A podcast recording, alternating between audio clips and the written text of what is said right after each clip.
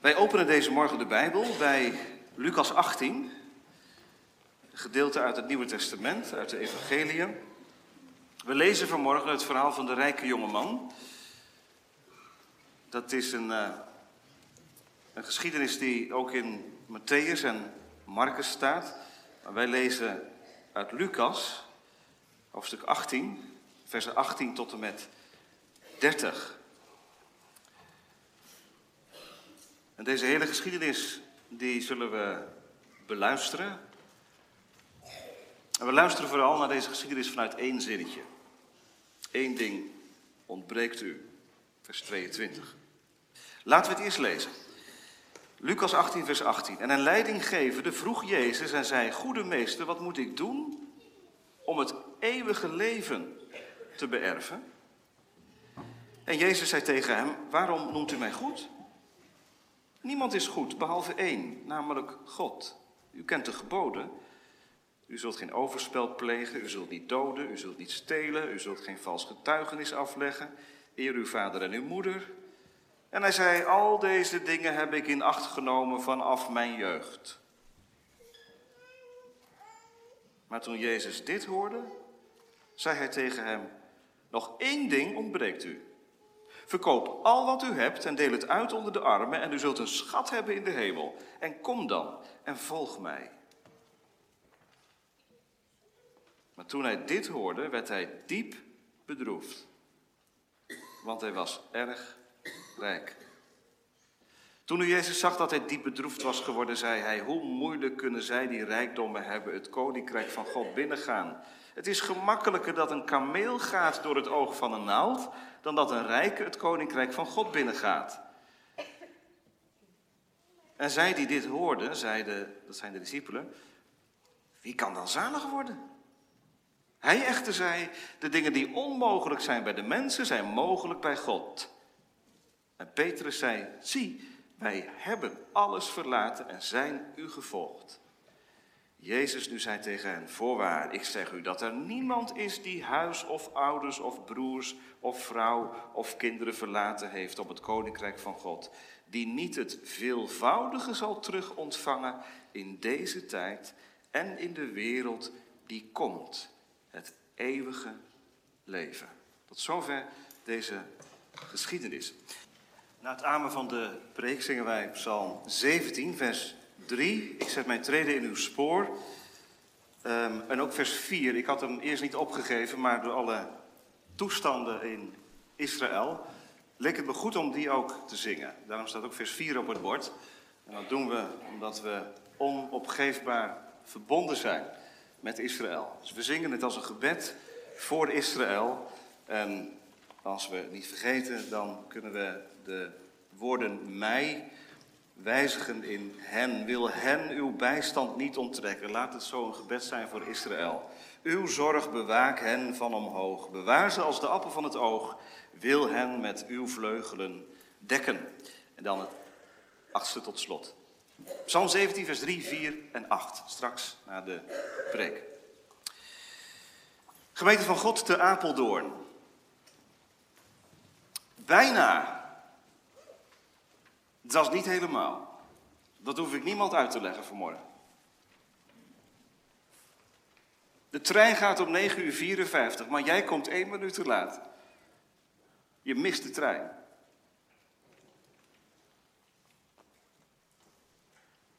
Bij je examens scoor je een 5,6 voor een bepaald vak. Het is één tiende punt te kort om te slagen. 0,1. Stelt niks voor, bijna, maar niet helemaal. Die hardlopers, die renden voor de, een podiumplek, doen hun uiterste best. Maar de nummer 4 kwam 1 honderdste seconde tekort om op het podium te eindigen. Wat is dat nou, 1 honderdste?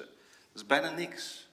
Maar genoeg om niet bij de top 3 te horen. Nou ja, dat zijn allemaal dingen waarvan je zegt, nou ja, het, het is heel naar en, en kan ook heel heftig zijn als je zakt en zo. Het leven gaat wel door. Bijna, maar niet helemaal. Dat geldt eigenlijk ook voor deze jonge man die we vanmorgen tegenkomen. Het is bijna. En ik ga straks wel uitleggen wat ik daarmee bedoel. Maar niet helemaal. Jezus zegt, één ding ontbreekt je. Je hebt heel veel, maar niet genoeg. Om in de hemel te komen. Om het koninkrijk van God te beërven. Eén ding ontbreekt je. Zo luisteren we naar deze geschiedenis. En als thema heb ik gekozen: alles wat je nodig hebt is niets. En kijk even naar de, onze jonge mensen. Engels, dat praat soms net iets makkelijker, dat onthoudt iets lekkerder. Hè? All you need is nothing. Als je dat nou onthoudt, dan heb je de kern van de preek. Alles wat je nodig hebt is niets. Alles wat je nodig hebt is niets. We letten op drie aandachtspunten. Allereerst op de serieuze vraag. Want deze jongen stelt een serieuze vraag. Goede meester, wat moet ik doen om het eeuwige leven te beërven? Wat bedoelt hij daarmee? Wat is die serieuze vraag? Tweede, de reactie van Jezus is een storende tegenstem. Een storende tegenstem. En tot slot, en dan letten we op het vervolg van de geschiedenis, sprankelend evangelie. Want daar loopt het wel op uit. Alles wat je nodig hebt is niets. Serieuze vraag. Storende tegenstem. Sprankelend evangelie. Daar eindigen we mee. Allereerst die vraag. Serieuze vraag.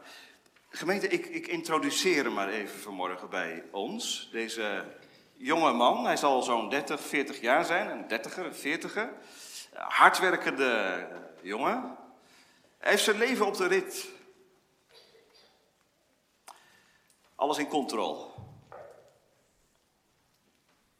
Het lacht hem toe, het leven. En uh, bovendien, het is niet iemand die alleen maar gaat voor het grote geld. Het is iemand die en een mooie job heeft, hard werkt, mooi optrekje, knappe auto. Maar het is ook gewoon een hele fijne, prettige jongeman. Je zou hem graag als buurman willen hebben. Hij is heel humaan, geweldige vent. Serieus. Hij drinkt niet. Hij rookt niet. Altijd in voor een goed gesprek. Goed voor zichzelf, goed voor anderen. Geen oppervlakkig figuur of zo. Maar ergens zit in zijn leven een onzekere factor. Onder de mooie buitenkant zit onrust. Wat als ik ga sterven? Wat dan?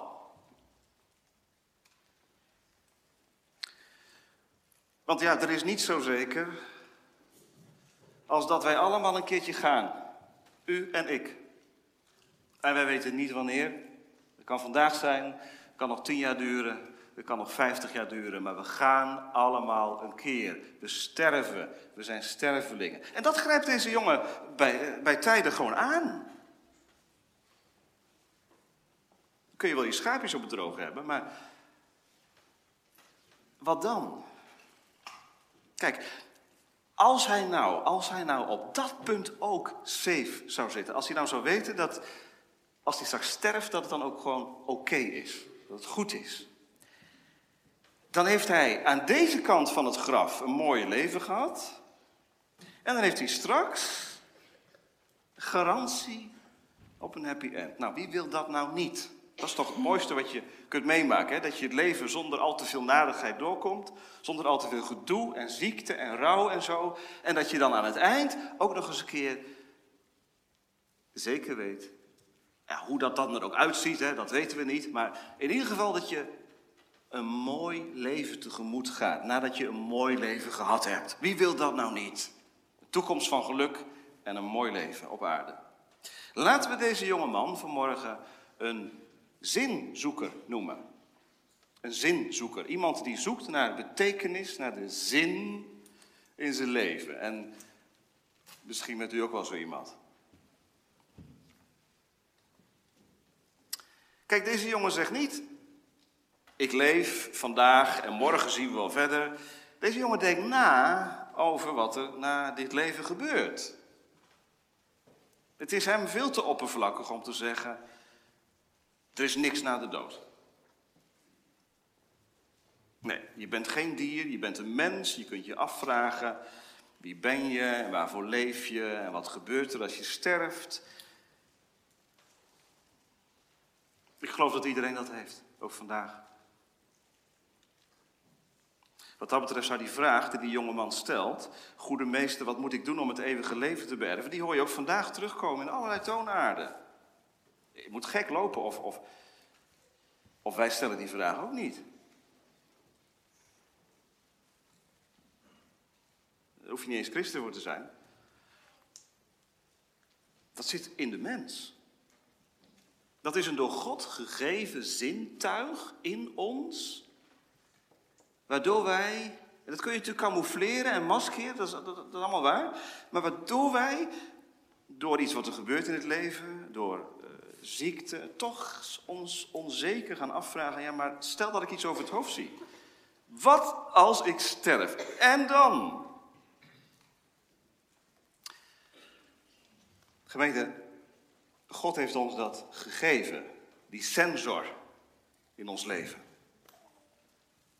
Er zit een gat in onze ziel wat gevuld moet worden. Deze jongen stelt een vraag.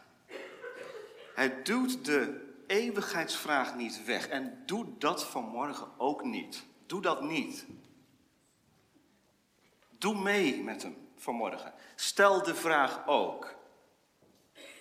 En als je hem nog nooit gesteld hebt, deze vraag, dan stel ik hem vanmorgen voor je. Want in de kerk kom je niet alleen om antwoorden te krijgen, je komt hier ook om vragen te leren stellen. Waar gaat het naartoe met mijn leven? Wat als ik sterf? Dat, is, dat zijn van die dingen die, die je leert in de kerk.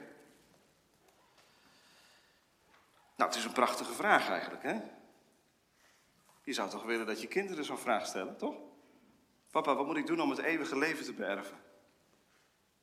Je kunt er theologisch alles van vinden, dat weet ik wel. Maar alleen al die vraag, dat een kind nadenkt over het leven na dit leven, dat is toch prachtig?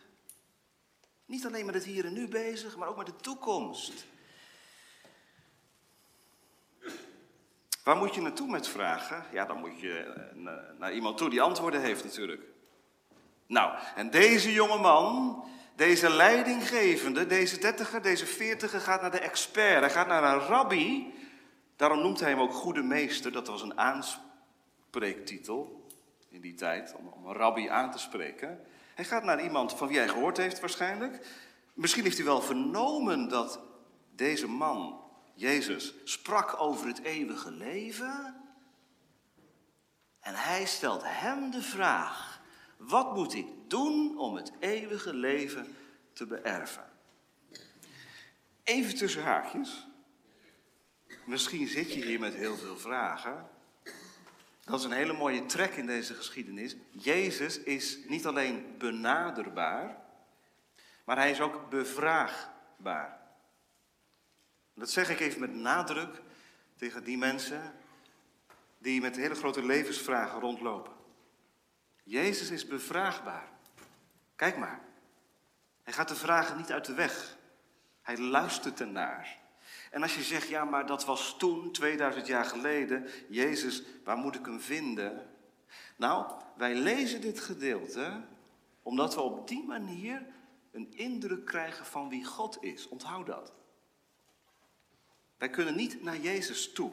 Niet zoals die jongen toen. Maar wij kunnen deze vraag, wij mogen deze vraag adresseren aan Gods adres. Want Jezus is de zichtbare afspiegeling van God zelf. Wat moet ik doen om het eeuwige leven te beërven? Laten we die vraag eens bekijken. Serieuze vraag heb ik het genoemd. Dat is het. Er zitten twee vooronderstellingen in. Twee. Wat moet ik doen? Dat is het eerste. En het tweede, wat moet ik doen? Zie je dat?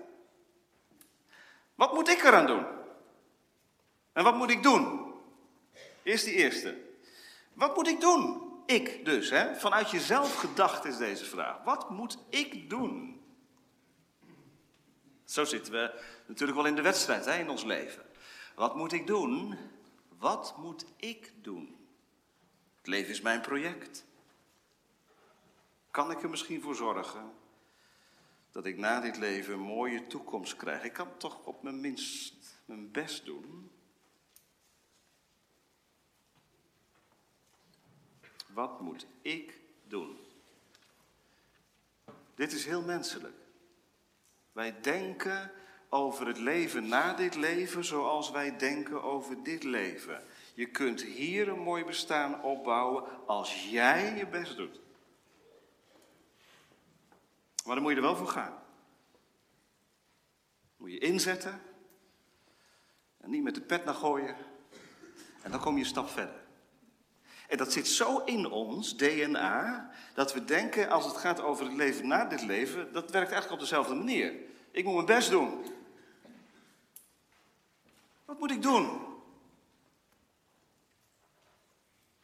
En dan het woordje doen. Die tweede vooronderstelling. Vertel het maar, zegt hij eigenlijk. Wat mis ik nog?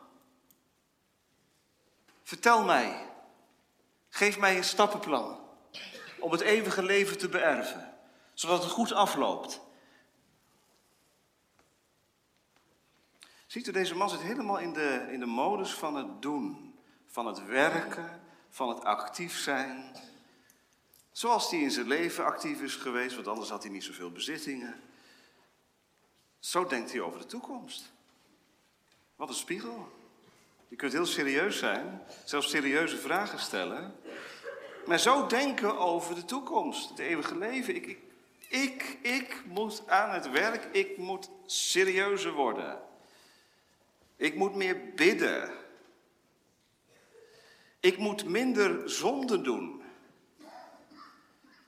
Wat kan ik eraan doen? Als we van een afstandje naar deze vraag kijken, dan is het mooi hè, dat deze jonge man daarmee bezig is. En het lijkt erop alsof Jezus hem alleen maar steunt. Als hij zegt, nou je kent de geboden hè, die ken jij van jongs af aan. En dan noemt Jezus er een paar, vers 20, u zult geen overspel plegen, u zult niet doden, u zult niet stelen enzovoort. Ja, die kent hij. Hij kent ze niet alleen, hij doet ze ook. Conclusie, ik zit op de goede weg. Ik ga de goede kant op. Ik doe mijn best. Ik ben er voor anderen. Ik geef aan anderen. Ik leef voor anderen. Gemeente, is het evangelie wat ik u vanmorgen vertel samen te vatten in deze vier woorden. Leef goed. Sterf goed. Is dat het? En bevestigt Jezus deze levensinstelling? Dat hoor ik het liefst wel, toch? Het liefst hoor ik, ja, het gaat de goede kant op met je. Weet je, maak je maar geen zorgen. Het komt wel goed hoor. Je doet toch je best? Wat moet je meer doen? En dan moet je maar gewoon geloven dat het goed komt. Nou, nu gaan we luisteren naar de stem van Jezus. Nadat we die vraag eens bekeken hebben. De vraag die wij ons allemaal wel eens gesteld hebben. En als we hem nog nooit gesteld hebben, stellen we hem vandaag aan onszelf voor het eerst. Wat kan ik eraan doen om het eeuwige leven te beërven? Jezus gaat antwoorden. Ik heb het genoemd een storende tegenstem. Want Jezus praat niet met deze jongen mee. Dat lijkt wel zo, maar het is niet zo. Jezus zegt niet, nog één ding, je bent er bijna, je komt nog iets te kort. Dan zou deze jongen gezegd hebben, prima, vertel me wat ik moet doen. Moet ik op mijn knieën naar Jeruzalem, naar de tempel? Ik doe het. Vertel het maar. Als je zo in het leven staat, weet je waar je dan aan leidt? Aan zelfoverschatting. aan zelfoverschatting. Je denkt dat je iets kunt, betekent dat. Je denkt dat je iets kunt, maar je kunt het niet. Oh, dat kan ik wel. Nee, zegt Jezus, één ding ontbreekt je. Ik heb altijd deze geschiedenis gelezen als je moet nog één stapje maken en dan kom je er wel. Verkoop alles wat je hebt, deel het uit onder de armen en je zult een schat hebben in de hemel. Ik heb altijd gedacht, nou, als hij dat nou doet, dan is hij er. En dan zou de, de, de preek zou dan eindigen als volgt. Verkoop alles wat u hebt, gemeente. Deel het uit onder de armen. Volg Jezus en je komt in de hemel.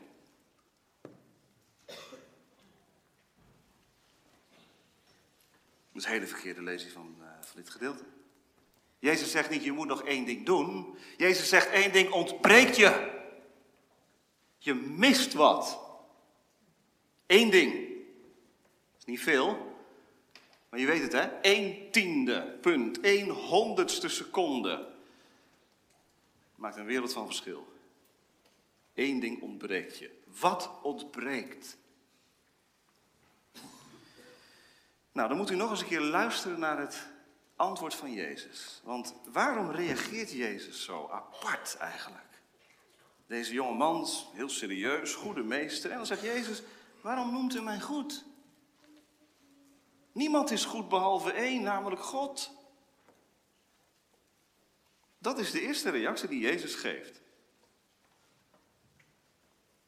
Weet je wat hij daarmee zegt? Dat is die storende tegenstem. Je hebt een verkeerde kijk op de dingen. Je hebt een verkeerde kijk op mij. Je ziet niet wie ik ben. Je hebt een verkeerde kijk op God en ook op zijn geboden. Je komt bij mij alsof ik een goed mens zou zijn, wat jou gaat vertellen wat je moet doen. Maar weet je, God is goed en zijn geboden zijn goed. Je komt bij mij alsof ik jou ga vertellen wat jij eraan kunt doen om perfect te worden, zodat je garantie hebt op een eeuwig leven. Maar ik ben geen wijsheidsleraar. Ik ben een redder van zondaren. Ik ben Jezus. Ik heb de woorden van het eeuwige leven. En weet je, ik hou van je. Dat staat niet in dit gedeelte, maar in Marcus 10 ik heb het hier open liggen, staat dezelfde geschiedenis. En dan staat er, uh, Jezus keek die jongen aan en had hem lief. Jezus had de persoon lief. Mag ik vanmorgen als mijn, als de zender van mijn meester ook tegen u en jou zeggen. Jezus heeft u lief. Jezus bemint u. Niet om wat u allemaal doet en voor hem doet, maar om wie u bent. Een mens met een ziel, geschapen, niet voor even, maar voor de eeuwigheid. Wat noem je mij goed? God is goed. Weet je, jouw gedachten, jouw ideeën over wat goed is en wat slecht is, die kloppen niet. U vraagt zich misschien ook af, hè, waarom noemt Jezus bepaalde geboden. U kent de geboden. Valt u dan op dat hij de geboden 5 tot en met 9 noemt? We hebben ze vanmorgen gehoord. Hij slaat de eerste tafel van de wet over. En hij noemt de geboden van de tweede tafel van de wet. Behalve de tiende. U zult niet begeren.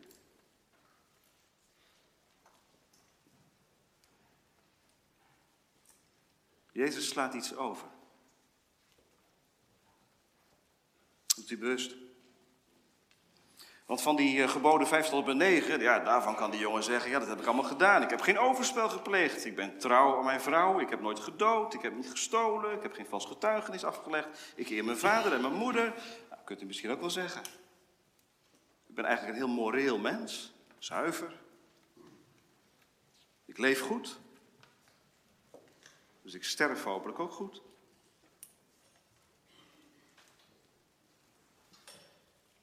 En deze jongen denkt inderdaad, ja, dat heb ik allemaal gedaan. Al deze dingen heb ik in acht genomen vanaf mijn jeugd.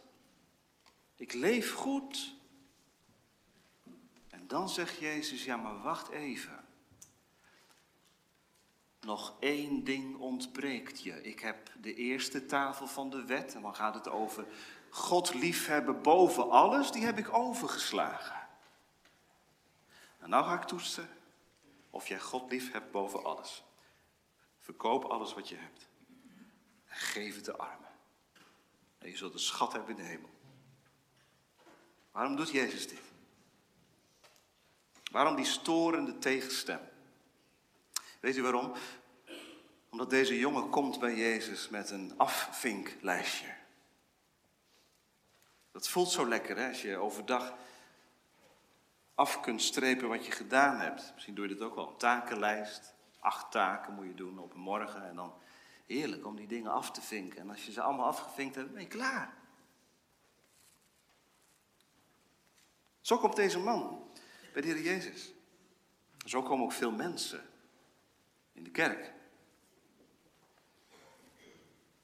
Wat moet er nog aan gebeuren? Eén stapje, twee stapjes. Verkoop alles wat je hebt. En als hij dat hoort, vers 23, wordt hij diep bedroefd. Want hij was erg rijk. Hij gaat trouwens ook weg, hè? dat staat in een andere evangelie. Hij blijft niet staan. Hij druipt af. Wat vindt u ervan? Is Jezus te streng? Nee, Jezus vraagt te veel. Jezus is niet gekomen om ons te bevestigen in ons eigen gelijk. Wilt u Jezus kennen? Dan moet u alles verliezen.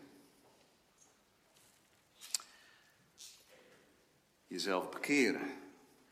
Gaat om een verandering van binnenuit. Bekering, wat is dat? Dat is geen kwestie van vinkjes zetten.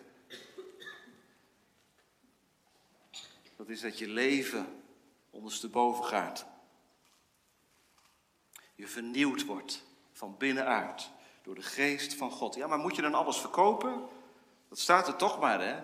Is dat de les dan voor vanmorgen? Verkoop alles wat je hebt? Nee, nee. Jezus veroordeelt in de Bijbel nergens rijkdom. Maar eerlijk is eerlijk, hij zegt er wel bij dat het wel een barrière kan zijn. Een hindernis. En dan trekt hij het gesprek breder. Jezus trekt het gesprek breder. Vers 24. Die storende tegenstem richting die jongen, die wordt nog breder richting de discipelen.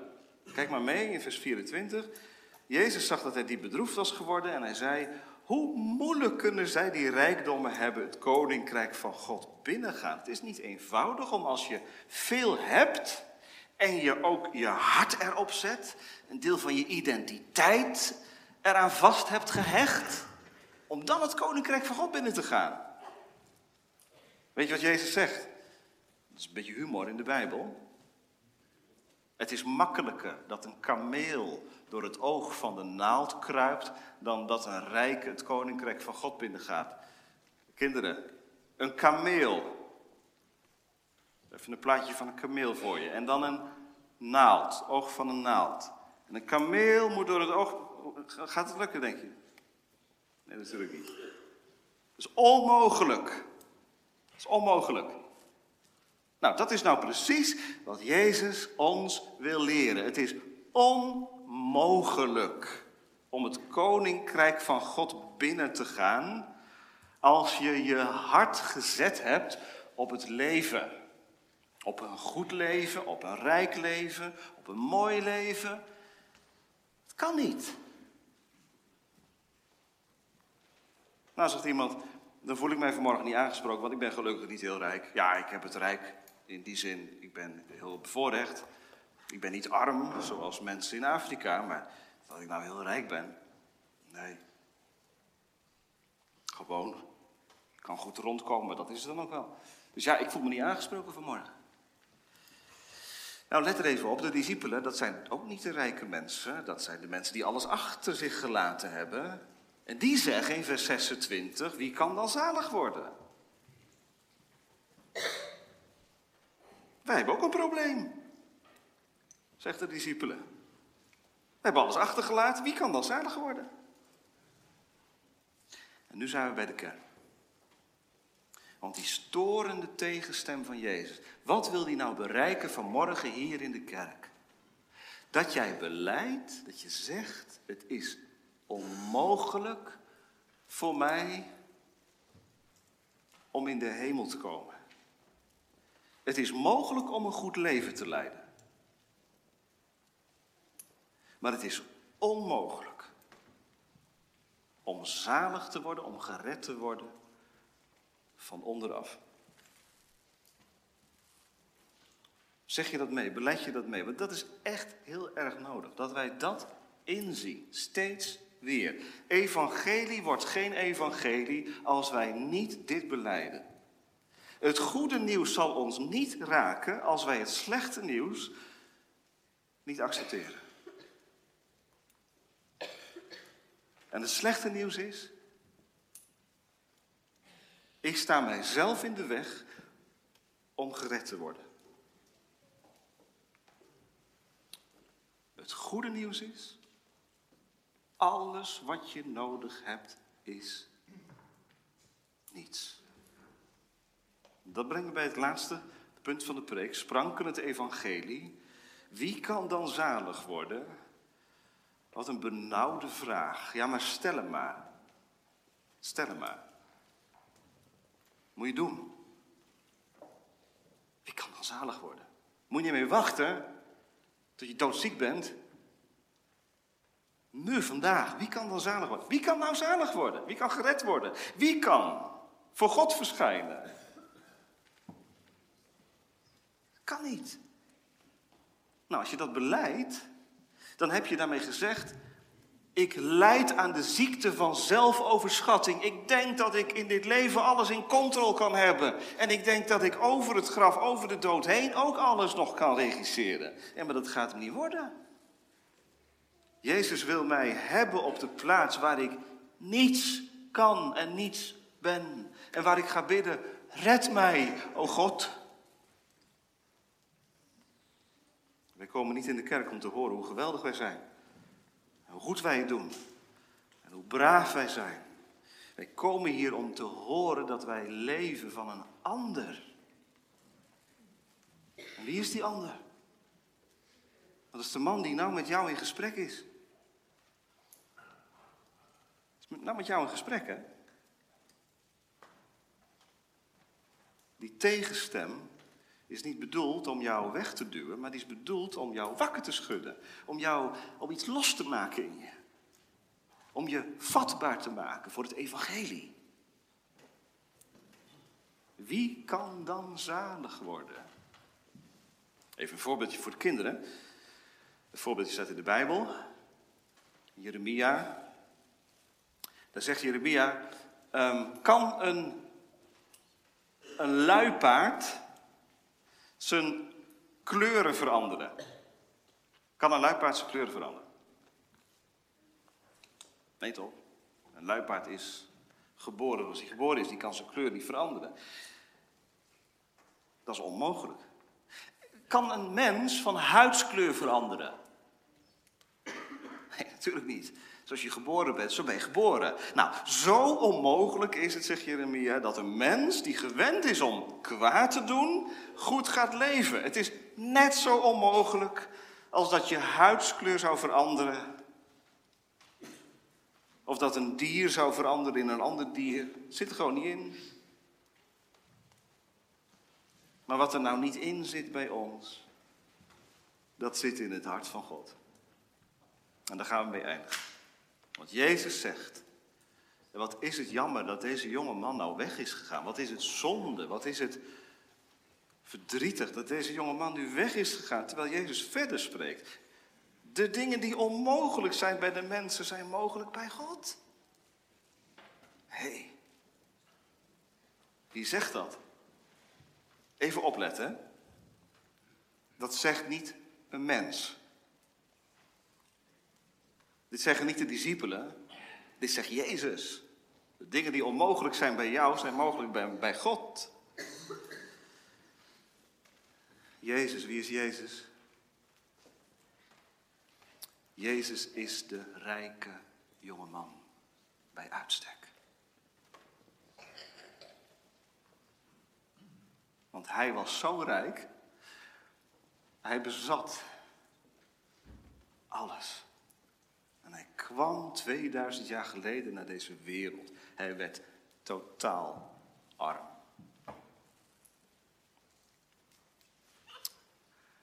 Hij gaf alles wat hij had op en deelt het uit onder de zondaren, zodat zij een schat hebben in de hemel. Kom dan. Volg hem. En dan Petrus, vers 28. Ineens, beetje verbaasd, zegt hij dat, denk ik. Wij hebben alles verlaten en zijn u gevolgd. Met andere woorden, het is gebeurd, Heer Jezus. En hoe is het gebeurd dan? Mag ik dat aan je vragen? Hoe is dat bij jou gebeurd? Hoe is dat bij jou gegaan? Hoe is de Jezus bij jou binnengekomen? Hoe is hij van een naam van vijf letters geworden tot de persoon die je gered heeft?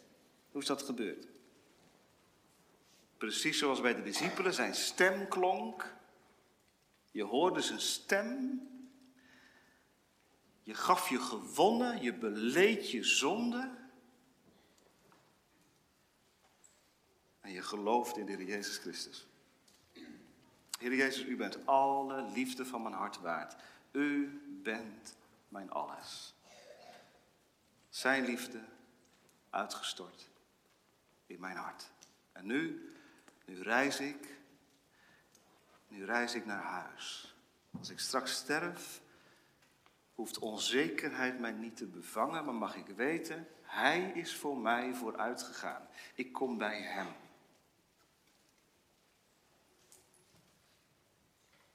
Moet je weten. Het staat er heel slecht voor als je Jezus niet kent. Het staat er heel slecht met je voor. Je redt het niet met je goede leven. Je redt het alleen als je leeft van wat Hij gedaan heeft.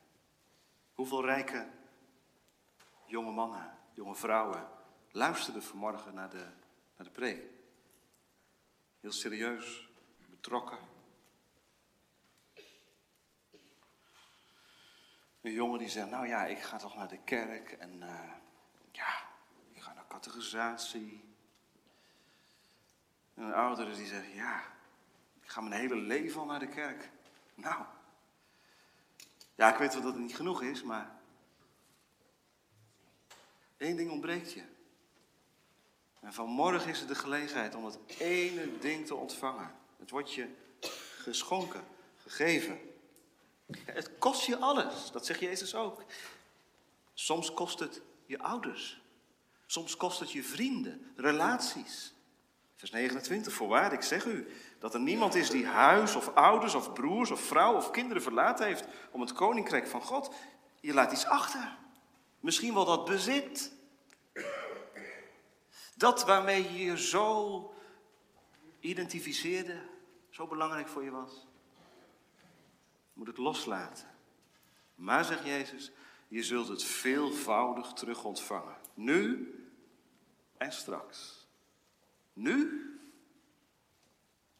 als je relatie moet loslaten, krijg je er andere relaties bij.